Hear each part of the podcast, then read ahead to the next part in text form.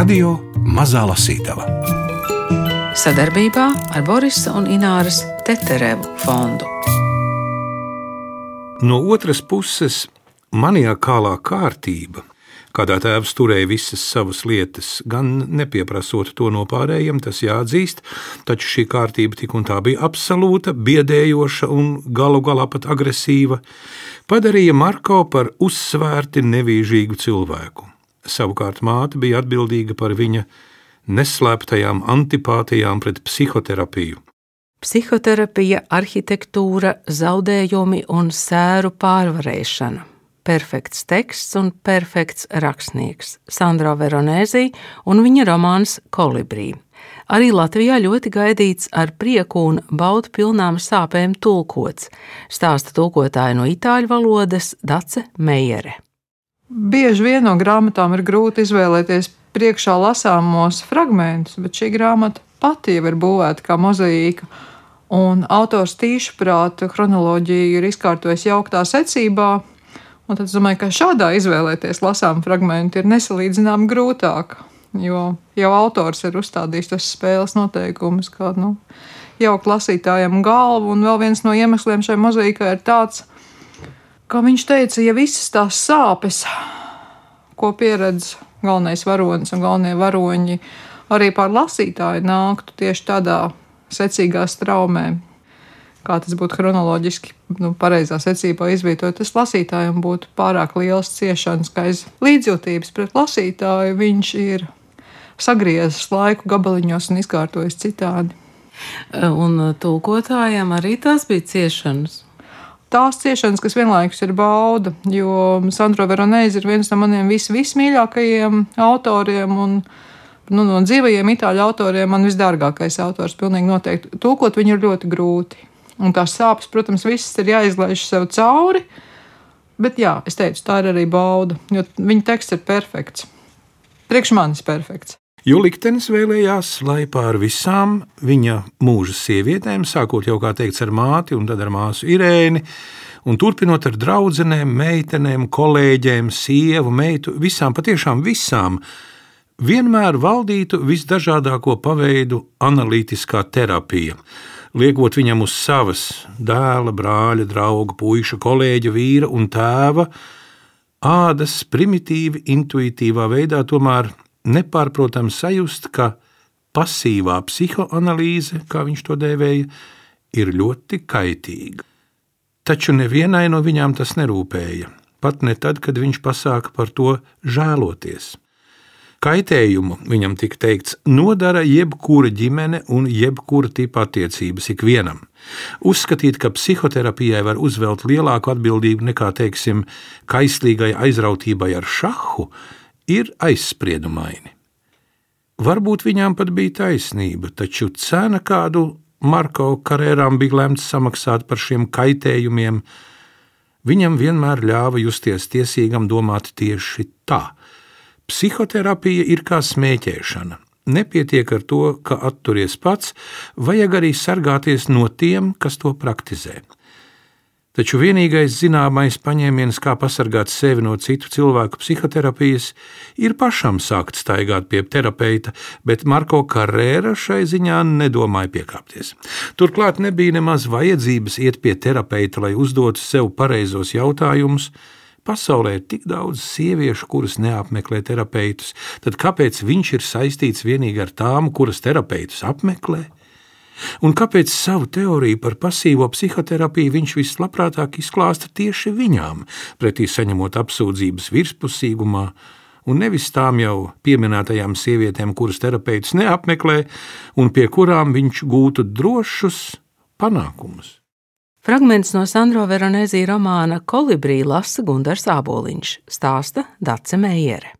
Es zinu, ka pirms sākās visas sērgu šausmas, rozes apgādes pa vairākiem lāgiem apcerēja, ka autori varētu atteicināt uz Latviju, bet, nu, Vienreiz atceros, viņam bija kārtējais mazais bērns, tad viņam bija ļoti tāls aplānots laiks, es priekš kā televīzijas raidījuma vadītājiem. Viņš ir nu, diezgan liela zvaigzne arī citās jomās. Un, un, Un tā pagaidām tas viss ir palicis gaisā karājoties, bet es ceru, ka kādreiz tas izdosies. Kas mums par viņu būtu jāzina? Ka viņš ir perfekts rakstnieks, Viņam ir daudz bērnu. Viņš mēdz dzīvot arī kā maisaimniece un rūpēties par bērniem un rakstīt. Šajā grāmatā ir ļoti daudz arī autobiogrāfisko motīvu.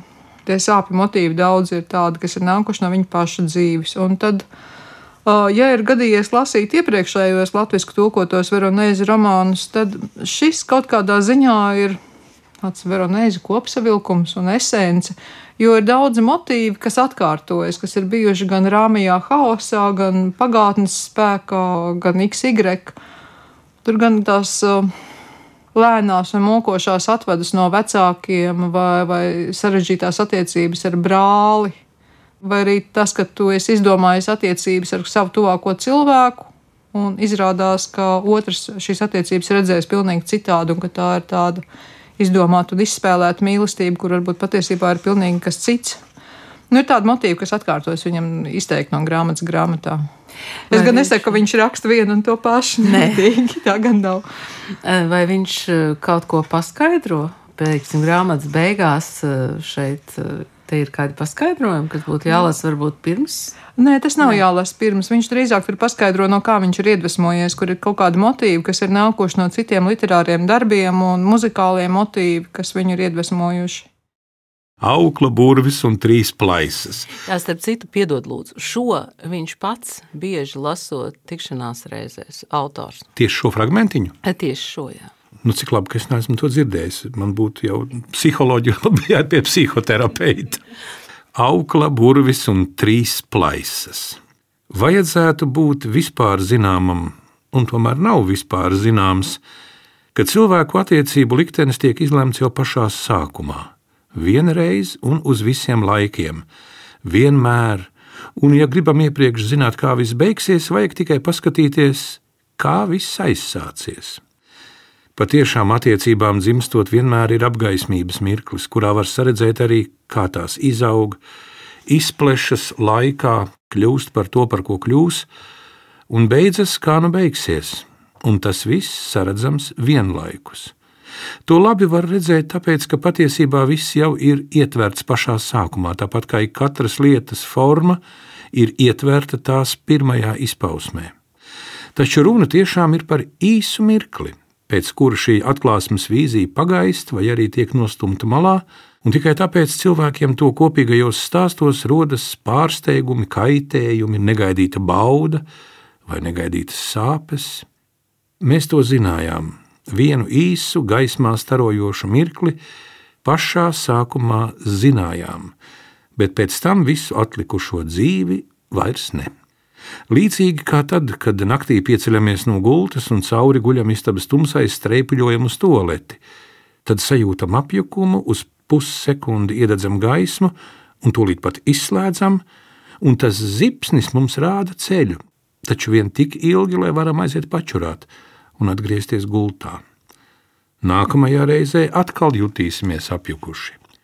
Kad aptuveni trīs gadu vecumā sāk izpausties viņa meitas Adeles perceptīvie traucējumi, Marko Karēra pieredzēja šo zipsni, ieraudzīja visu, taču vīzija bija tik neizturama, tai bija kāda saistība ar viņa māsu Irēni, ka viņš tūlīt pat to izstūma no prāta un turpināja dzīvot tā, it kā šīs atklāsmes nebūtu bijis. Varbūt psihoterapija būtu varējusi līdzēt to atgūt, Taču dzīvojot šīs palīdzības izmantotāju ielankumā, Marko pret psihoterapiju bija radusies nepārvarama nepatika. Vismaz tā apgalvoja viņš pats. Bet psihoterapeits būtu varējis pateikt, ka tieši šī nepatika ir mehānisms, kuru viņš lieto, lai aizsargātu paša veikto iztumšanu. Katrā ziņā tā bija notikusi nekavējoties, un iespējas bija aizstumts tālu un dziļi, tāpēc šī vīzija vairs nekad viņa apziņā neatgriezās, pat ne tad, kad viss notika tā, kā nu tam bija jānotiek, kā Marko Karēra īsu mirkli pašā sākumā bija zinājis, bet pēc tam visu atlikušo mūžu vairs ne. Ņemot vērā meitenes vecumu, var apgalvot, ka patoloģijas atklāšanās sakrita ar brīdi, kad aizsākās viņas attiecības ar tēvu, kuras līdz tai dienai vēl bija diezgan nenoteiktas. Un šo sakritību noteica meitene pati, iespējams, pirmo reizi mūžā pieņemdama patstāvīgu lēmumu. Bija saulaina augusta diena. Marko kopā ar meitu brokastoja Bolgērī mājas virtuvē. Māte bija gribējusi vēl drusku pagulēt, kad Adele Carrera paziņoja tēvam, ka viņai pie muguras ir piestiprināta aukla. Neraugoties uz niecīgo vecumu, meitene visu izklāstīja ļoti skaidri. Viens auklas gals ir viņai pie muguras, bet otrs stiepjas līdz tuvākajai sienai. Vienmēr.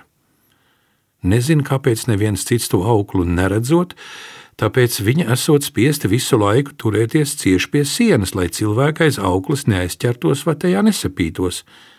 Bet, ja tu nevari palikt pie pašas sienas, Marko viņai jautāja, ko tad?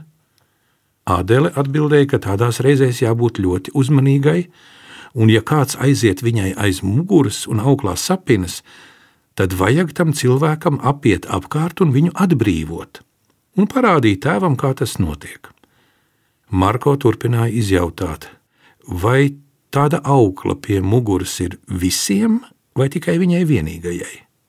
Nu, tāda esot vienīgi viņai. Un vai viņai tas neliekas dīvaini? Nu, jā, viņai liekoties dīvaini. Vai dīvaini liekas tas, ka viņai pašai aukla ir, vai tas, ka pārējiem tādas nav? Dīvaini, ka pārējiem nav. Un mājās viņš prasīja, kā tu tiec galā, kā tu dari ar mammu un mani, bet tu, viņa paskaidroja, nekad nestaigā man aiz muguras.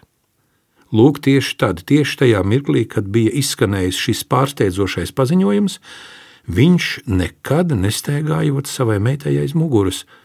Marko Karēras sajūta pārskrienam drabuļus un aizsākās abu attiecības.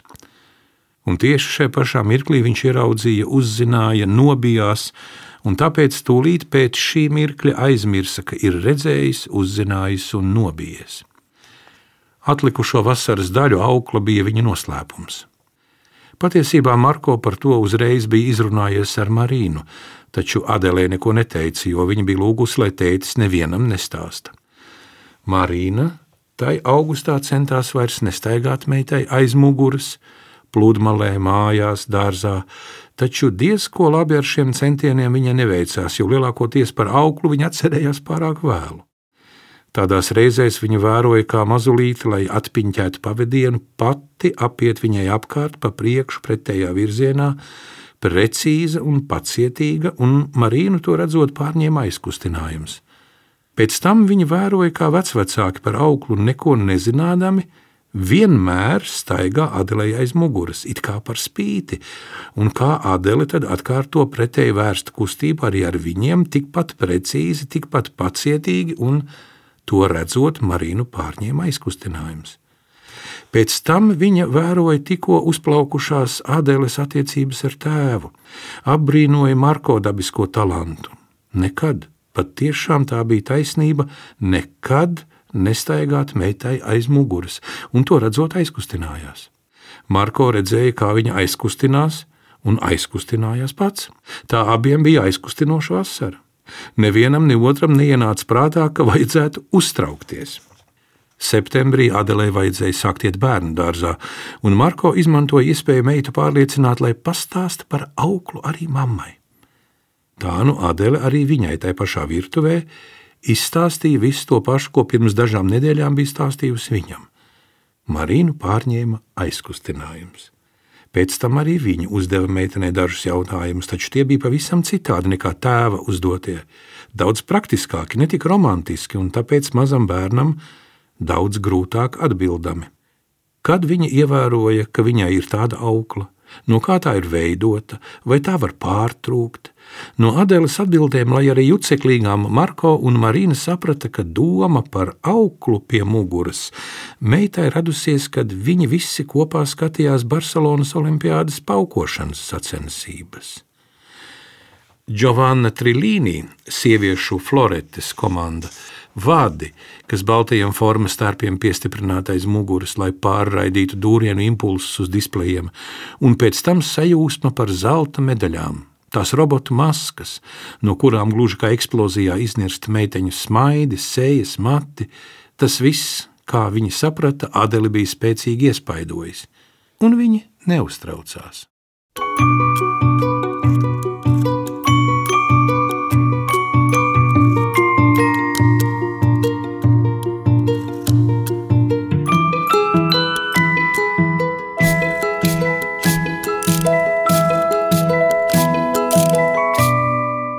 Viņš ir kolibri, viņš cenšas noturēties uz vietas. Tad kolibrī tas putniņš, tas nav gluži tikai simbols. Kolibri ir galvenā varoņa bērnības iesauka arī, jo viņš bērnībā neauga.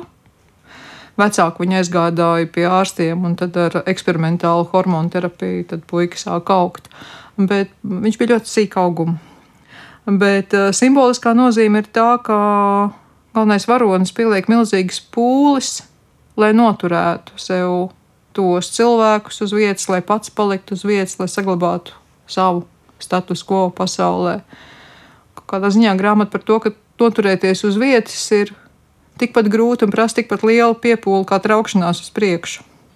Bet eh, tas, ka viņš ir skolojies sākumā kā arhitekts, eh, tam ir kāda nozīme tajos viņa tekstos? Es domāju, ka jā, noteikti. Viņam arī, arī šajā grāmatā, piemēram, galvenā varoņa vecāki ir arhitekti. Un saistīti ar, ar dažādiem arhitektūras grupējumiem arī. Tur ir jūtams, ka cilvēks pārzina, par ko raksta.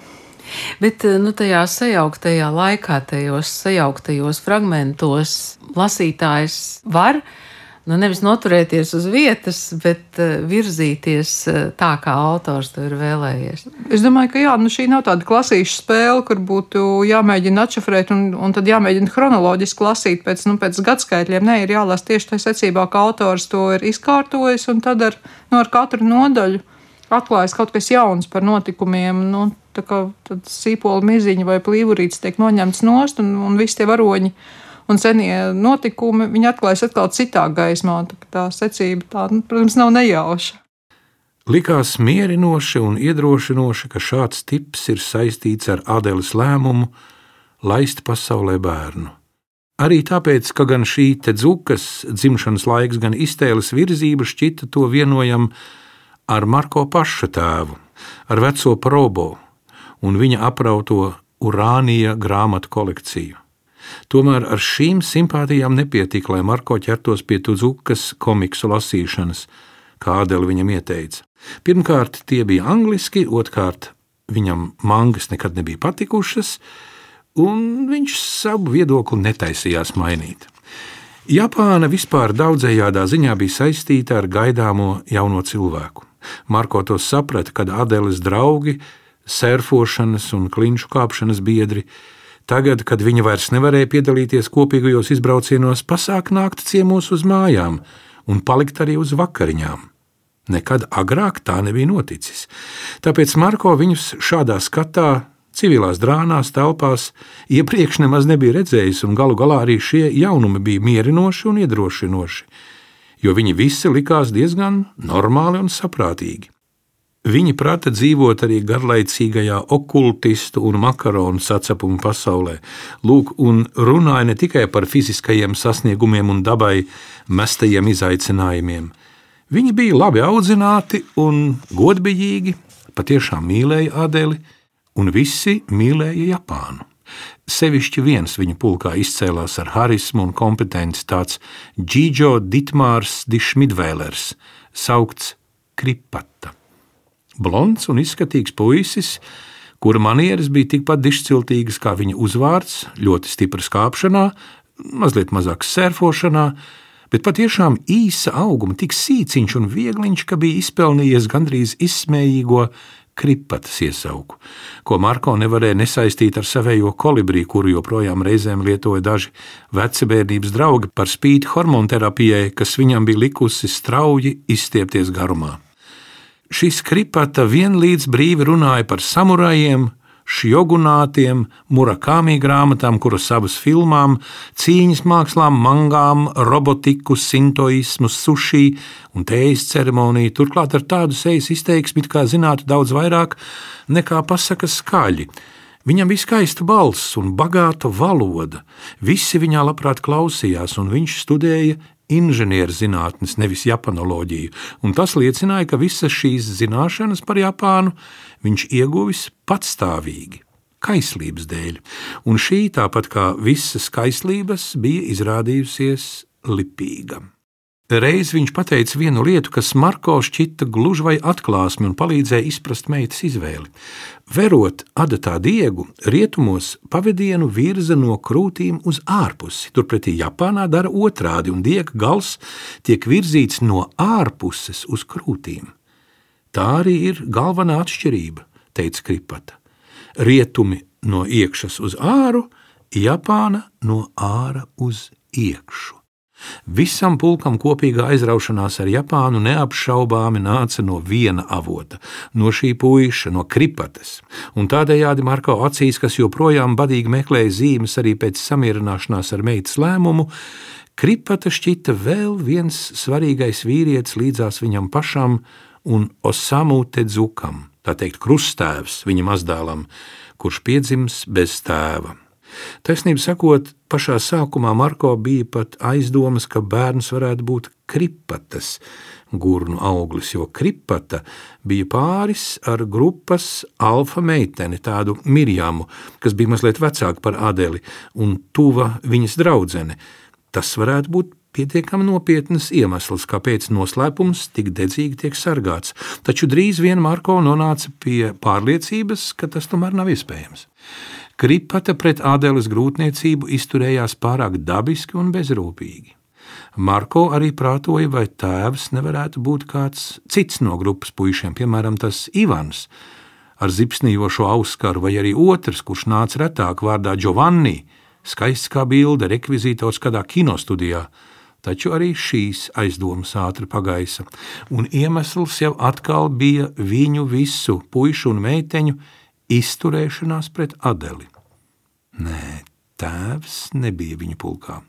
Taču nebija iespējams, ka viņiem nekas nebūtu zināms, jo grēka darbs, kā to būtu apzīmējis Probo, bija pastrādāts kāda viņu kopīgās surfošanas izbrauciena laikā janvārī Algarvē starp Fāru un Sagrešu, Dienvidu Portugālē, kur katru ziemu pulcējas ciltis no visas Eiropas, jo tur tās vilināja ideāli apstākļi.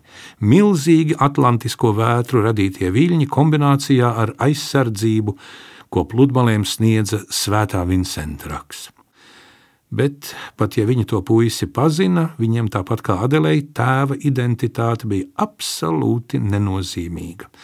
Un viņi to nekad nepieminēja. Viņam tāpat kā Adelē likās pilnīgi normāli un dabiski, ka 21 gadu veca meitene laiž pasaulē bērnu šādā veidā. Marko Karēra centās pieskaņoties šai filozofijai, lai arī pamatīgi tā atšķīrās no viņa skatījuma uz pasaules kārtību. Viņš vairāk kārt klusībā atkārtoja Jāņa no krusta dzejas rindas, un vienu vakaru tās pat citēja skaļi pie vakariņu galda visu to puišu un meiteņu klātbūtnē, tieši runājot par nākotni, kuru visi gribēja padarīt labāku, tikai nezināja, kā to paveikt. Lai nonāktu pie nezināmā, tev jāiet cauri tam, ko nezini. Citāts uz visiem atstāja ļoti labu iespaidu, jo perfekti saskanēja ar viņu dzīves filozofiju, taču Marko Karēra joprojām uzskatīja, ka viss tomēr ir krietni sarežģītāk. Ļausim, lai sāpes atklājas tieši tādā secībā, kā autors to lēmis. Sekosim viņam. Itāļu rakstnieks Sandro Veronēzī romānu Kolibrī, kurš saņēmis Itālijas prestižāko literāro prēmiju Strega, tulkojusi Dace Meijere, izdevis Jāņa Rozes apgāds. Šo lasītāju veidoja Gundars Āboliņš, Agita Bērziņa, Rēnis Būdze un Ingvilde Strautmane.